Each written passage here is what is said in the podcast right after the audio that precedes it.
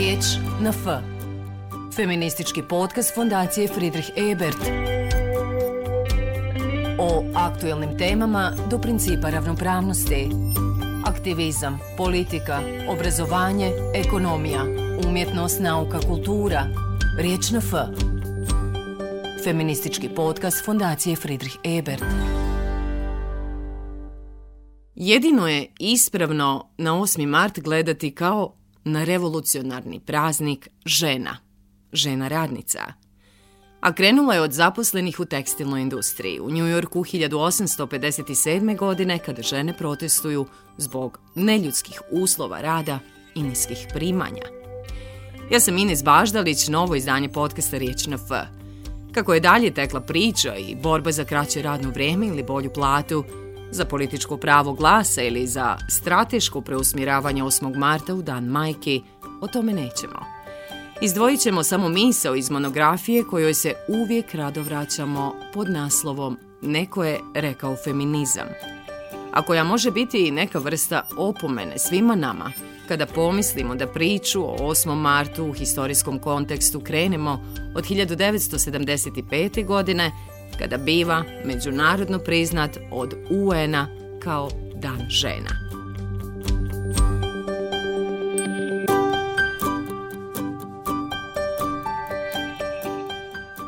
Prelazeći u sferu ljudskih prava, 8. mar donekle gubi svoj prvobitni revolucionarni naboj i klasnu odluku. Kapitalizmu ne treba klasna priča, on može da podnese tek taksativno nabrojana ljudska prava od kojih je pravo na privatno vlasništvo i dalje jedino neprikosnoveno, iako ono potire sva druga ljudska prava. Marija Perković, još jedan 8. mart.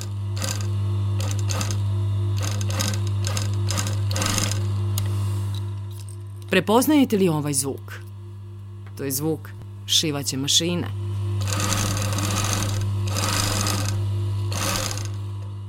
S njim se vraćamo tekstilnoj industriji.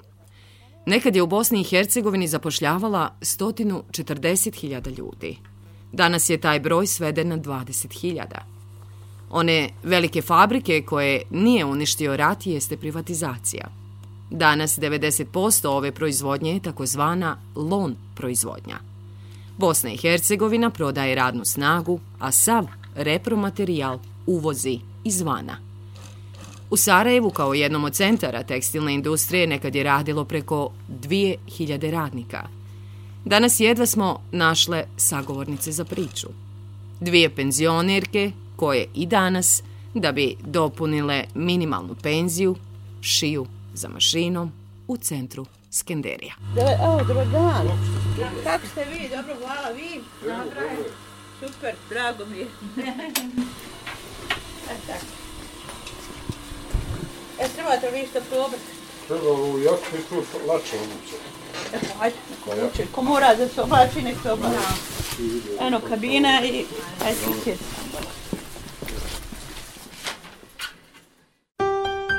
Riječ na F.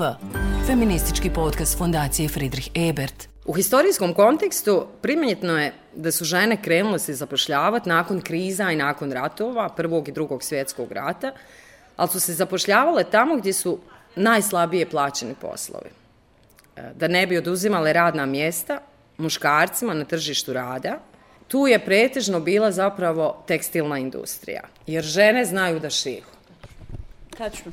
Žene šiju najbolje i najljepše šiju i sa puno ukusa i smisla i kreativnije su nego muškarci. Pa prema tome, ti poslovi jesu bili samo za žene, a muškarci su malo teže poslove radili u takvim tekstilnim firmama. Ovaj glas pripada Kopić Jasmini, rođeno Krehu iz Sarajeva. Drugi glas pripada Sena Mašić Kuduzović, rođena u Prijedaru, a živjela u Bosanskoj Dubici. Dva glasa ženska koja su životni vijek provela i još uvijek provode za šivačom mašinom. E, da mi kažete kako je tekao taj životni vijek? Šta je podrazumijeva? Prvo kad smo završili zanate, naravno kad sam ja završila 68. Bile su dvije fabrike u Sarajevu koje su bile tekstilne. Tad smo se svi zaposlili. Pa Koliko god nas je bilo u školi, svi smo se zaposlili, radili, dobijali platu. Bilo je lijepo. Neko možda i nije, ali većini je bilo lijepo, jer smo svi birali svoje životne puteve. Znači, mogo je neko završiti fakultet, neko je završio zanat, neko je završio krojački, neko neki drugi, ali većina žena ili je frizerski ili je krojački. A ja sam radila u fabrici koja se zvala Alija Hod Šalhos. To je jedna divna fabrika u kojoj si mogao mnogo da napreduješ, ne samo da naučiš, nego i da napreduješ, tako da sam i vrlo brzo napredovala. Poslije deset godina sam dobila stipendiju Titovog fonda, otišla sam u Zagreb, završila višu tekstilnu, vratila se, radila i od 85. sam privatnik. Radili ste u Alhosu sve do 85. Da. Vi, Seno? Ja sam počela da šijem u Knežičanki, u Knežici, mlada firma, svi mladi, bilo lijepo, a poslije je Knežopoljka, Bosanska Dubica. Radila sam do 92. godine.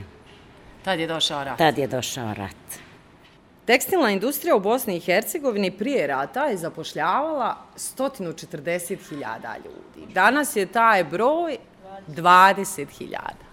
Nažalost, statistika je takva, ali mnogi ljudi koji su, recimo, radili u takvim fabrikama su se dosta osamostalili poslije rata i moj, moj Alhos je negdje, ne znam koje, 90, 2000 te možda već prestao sa radom, fabrika je prodata, sve je uništeno. To je zapravo fabrika koja je imala najdužu, najduži, najduži stečajni postupak. Jes, najduži stečajni postupak. Fabrika je naravno rasprodata sva i temelji su joj prodati. Na temelju te fabrike se nalazi veliki avaz, toranj. Tako da, eto, žalosno, ali istinito. Mnoge, mnoge e, firme su bile e, zajedno u Alhosu, kao recimo što smo imali u Prači, jednu firmu malu, pa smo imali u Kiseljaku, pa smo imali u Orašu, pa smo imali u Livnu i tako u Doboju. Ali eto, sve to vrijeme nosi svoje, rat je da učinio da su mnogi ostali bez posla, ali su većina ljudi koji su išta znali da rade, osamostalili se, otvorili sebi radnje, svoje privatne i nastavili svoj posao dalje da rade. Mene zanima kakav je bio radni dan u toj socijalističkoj fabrici. Pa radni dan je kreće, onda se radilo u smjenama. Prva smjena od 6 do 2 i druga od 2 do 10. 8 sati radno vrijeme. 8 sati je bilo radno vrijeme, ali imali smo i slobodne subote. Bila je prva ili zadnja radna subota. Tako da, da smo imali i vikenda. Naravno kad ono idemo iz prve u drugu smjenu.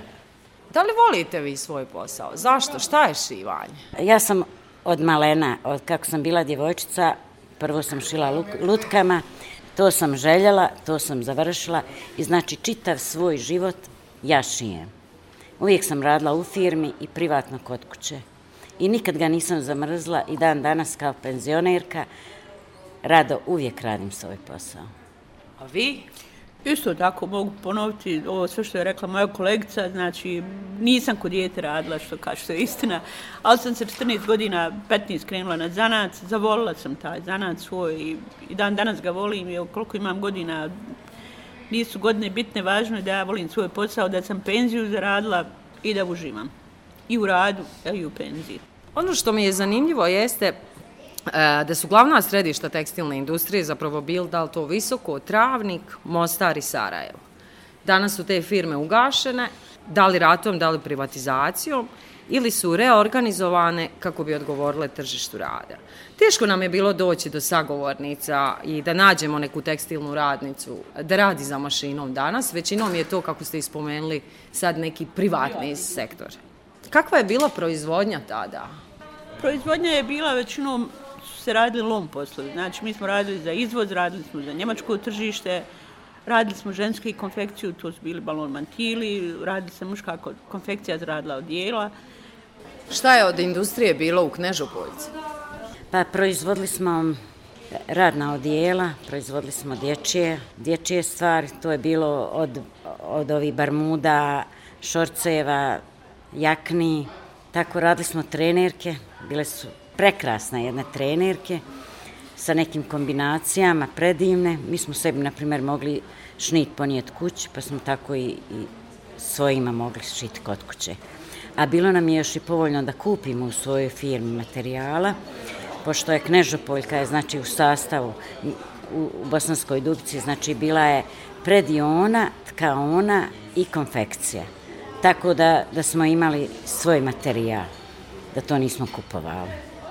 Znači, onaj radnici su radili na normu i ko ispuni normu, to je ona normalna plata koja prebaci, dobije malo više, tako da nisu svi radnici dobivali isto. A osim toga, ja sam počela za šivaćom mašinom i onda su mogli napredovati radnici da bi kasnije ustala i radila za linijom, sa brigadirkom. I ja sam bila kao servirka ili međufazna kontrola zvala se u liniji. Znači, moj je posao bio da nabavim repromaterijal za radnike, uglavnom da ne smije radniku ništa faliti od repromaterijala, od konca pa nadalje. Cijenio se radnik? Pa cijenio se radnik, se uvijek cijenio, cijenio se, cijenio se. Mada su onaj, ono, ako se baš previše prebacije norma, onda se normalno te norme i povećavale. Ali eto, onaj, bilo je... Plaćao se preko vremeni rad?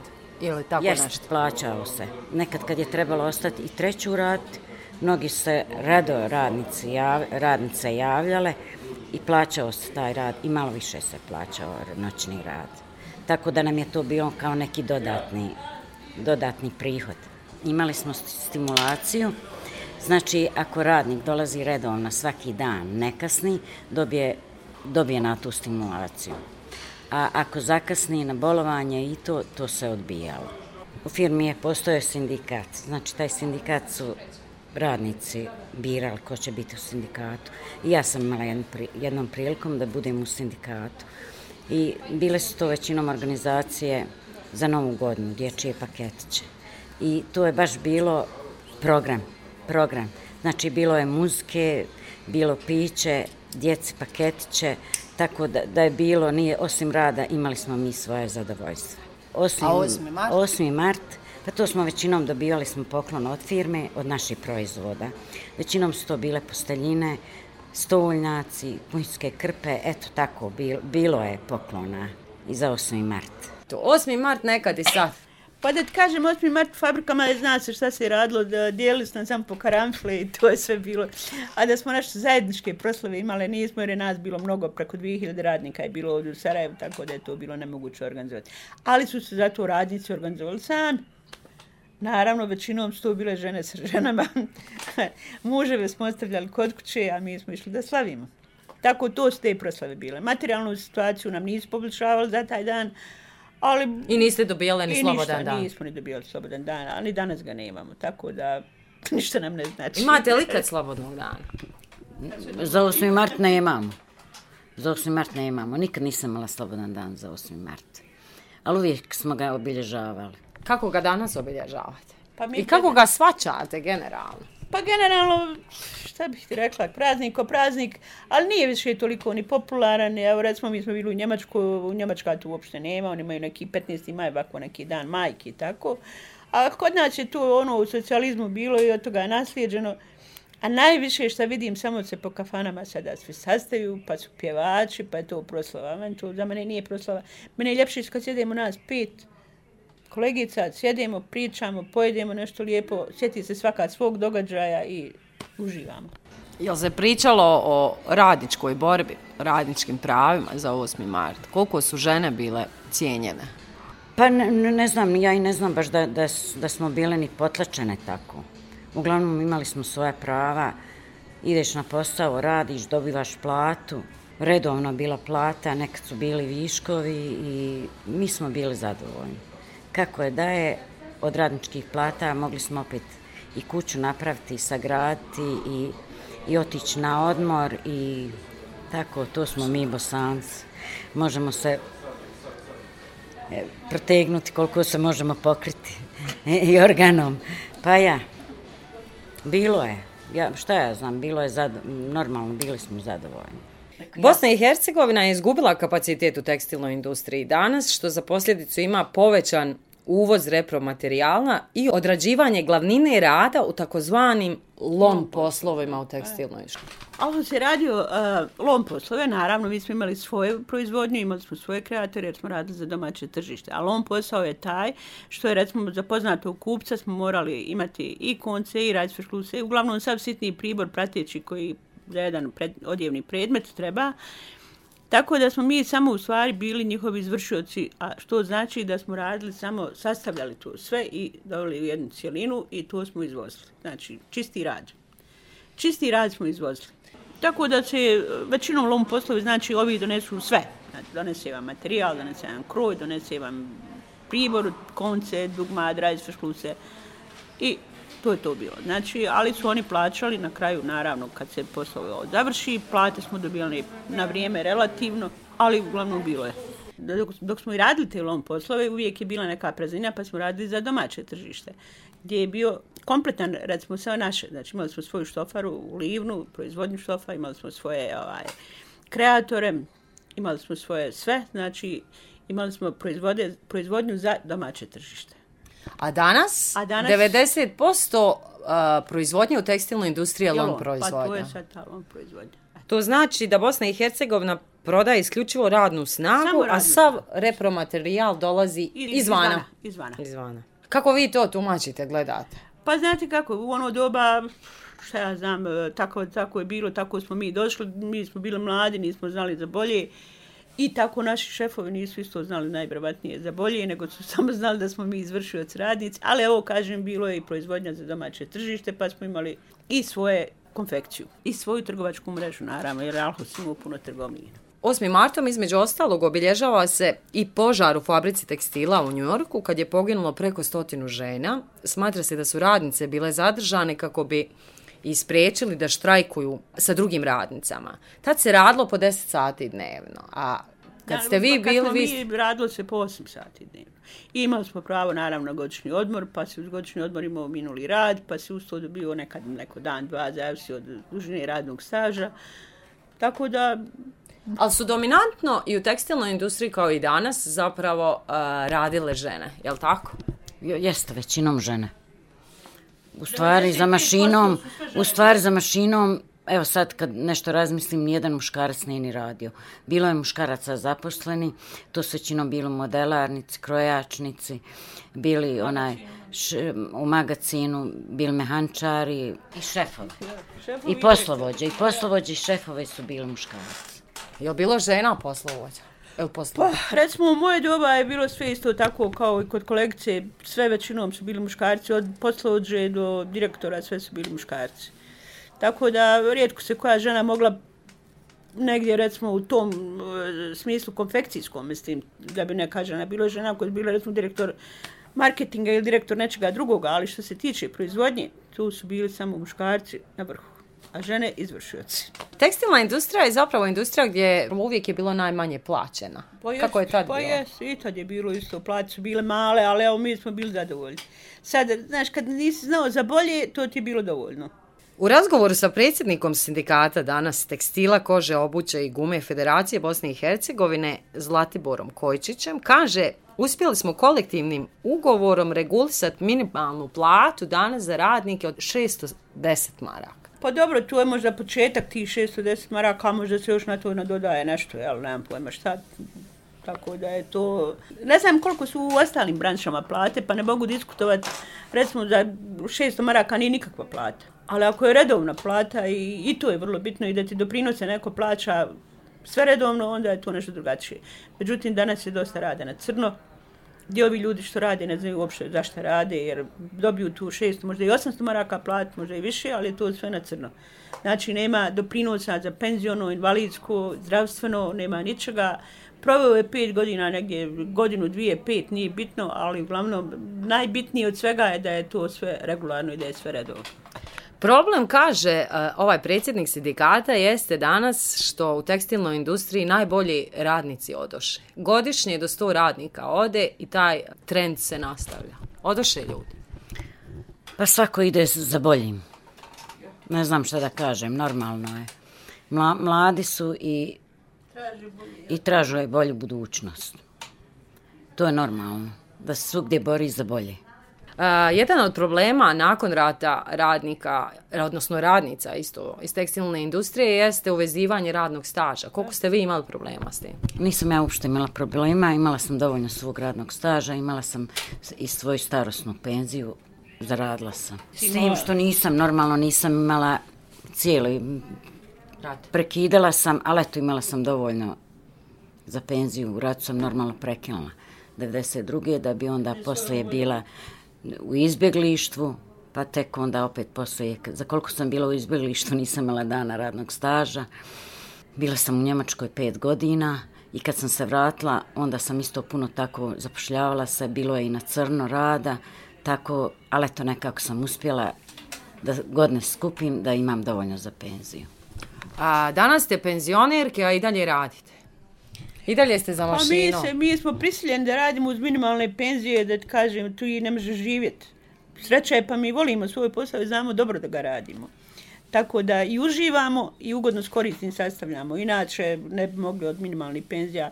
Jer sve naše, svi naši doprinosi, recimo, koji su prije rate i od rata na ovamo išli, to su sve minimalne plate, na minimalne plate idu minimalni i, i ovi doprinosi, tako da je to normalno sa minimalnom penzijom ti ne živjeti. Ali utišan uh, glas radnika, opet nema Pa protesta. ja i ne znam, ja i ne znam, recimo evo, tu sam i rođena i radila sam tu i sve, ali ja ne znam gdje ima više tekstilna fabrika, osim u služnosti, jedna mala fabrika je jedina koja, koju ja znam da radi. U Sarajevu zapravo? U Sarajevu zapravo. Da. Tako da ne znam, tako da ne mogu ni diskutovati na tu temu, jer ljudi su vjerovatno otišli oni što su prije radili, fabrika nema, ne znam ni, ni, ni koja fabrika radi uopšte. A oni dobri odlaze. A Oni dobro odlaze, jedni su u penziju, jedni su pomirali i tako. Ne znam ko će na svijetu ove sve tekstilne fabrike, to je stvarno, možda ona ima dobra tekstilna, opet ona je više trikotaža, tu je Alma Rasova u Olovu. Vjerovatno je to jedna od dobrih fabrika, dok opstaje tolike godine. Koliko su radnici zadovoljni, koliko nisu, ali vidim da širi, recimo, trgovačku mrežu. Što znači, ona prodaje samo svoje proizvode, znači da je dobro. A kako vi danas radite, mene zanima? Šta radite najviše? Pa mi većinom radimo korekcije. I imamo, radimo za mnogo firmi, radimo za Granof, za Kašarel, US Polo, Skupa odijela. Lulu, skupa odijela radimo. I ovaj, uglavnom i korekcije za druge naravno. Uglavnom zadovoljni smo, imamo dovoljno posla. Minimalne penzije Mi možemo nekako od minimalne penzije možemo da radimo. I još da, da kažem da mi u stvari radimo, mi jesmo penzionerke, radimo, ali ne radimo na crno. Mi imamo dopunsku djelatnost, imamo pravo na to zbog naše minimalne penzije. Zato što je to zanat koji izumire i to su stari zanati danas. Tako se vrednuje naš zanat kao stari zanati i na to je, e, recimo, doprinosi se sada kao penzioner ne plaćaju, ali se plaća samo jedan mali minimalni porez koji se može odvojiti za to. Rekli ste da radite korekcije na ovim skupim odjelima. To znači da vam dolaze ovi političari. Obično oni Pa imaju para, oni, para oni za ta skupa političari, odjela. Pa naravno, naravno, političari. Jer oni i nose odijelo. Ove obični ljudi i ne nose toliko. Najviše su u džins pantalonama, ali smo radili recimo i za Levis, Vartex se Levis, pa onda Levis se krati original, to se ne može skratiti samo bez uzeti pa podaviti nego to mora da bude dole na original, jer ljudi plaćaju, puno te pantalone koštaju da bi obično skratio neko. Tako dođu nama, mi to završimo, oni su zadovoljni i mi zadovoljni. Ima li e, interesa da naučite nekog drugog taj vaš posao?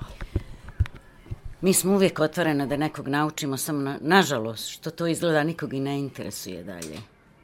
A rado bi nekom pomogle, nekom mladom, da hoće čak što više, da bi mogao i našu ovu radnju da preuzme, da dalje radi, ali nažalost niko nije zainteresovan. Jeste razmislili o tome da napravite neku radionicu a, šivanja? Nemamo, nemamo za to ni vremena, vjeruj. Imate posla puno? Ima posla, ima dovoljno posla. Dovoljno posla. A šta Dovoljno. vas održava u ovom poslu? Šta je to što je va... Pa, znaš kako, prvo, nas, prvo što nas održava je naravno materijalna strana, a drugo, zadovoljstvo mušterija. Jer znate, kad vam se mušterija vrati jednom, ne jednom, nego dva, tri puta, četiri, i kaže ja sam baš zadovoljan sa vama, i znači vi ste dobro to uradili i naravno, e, ne, mi nemamo neku reklamu, ali najljepša reklama i najbolja reklama je usmena reklama. Što znači vi ćete reći svojoj prijateljci, rećete poznaniku nekom, rećete dalje nekom i ona će preporučiti nekom i trećim, tako mi opstajemo. Eto. 25 godina u Jest. centru Skenderija Jest, imate da, raj. jest. Riječ na F. Feministički podcast fondacije Friedrich Ebert. Uz ironiju poigravamo se stereotipima s kojima se patrijarhat obračunava sa feminizmom, želeći da mu oduzme političku relevantnost. Riječ na F. Feministički podcast Fondacije Friedrich Ebert.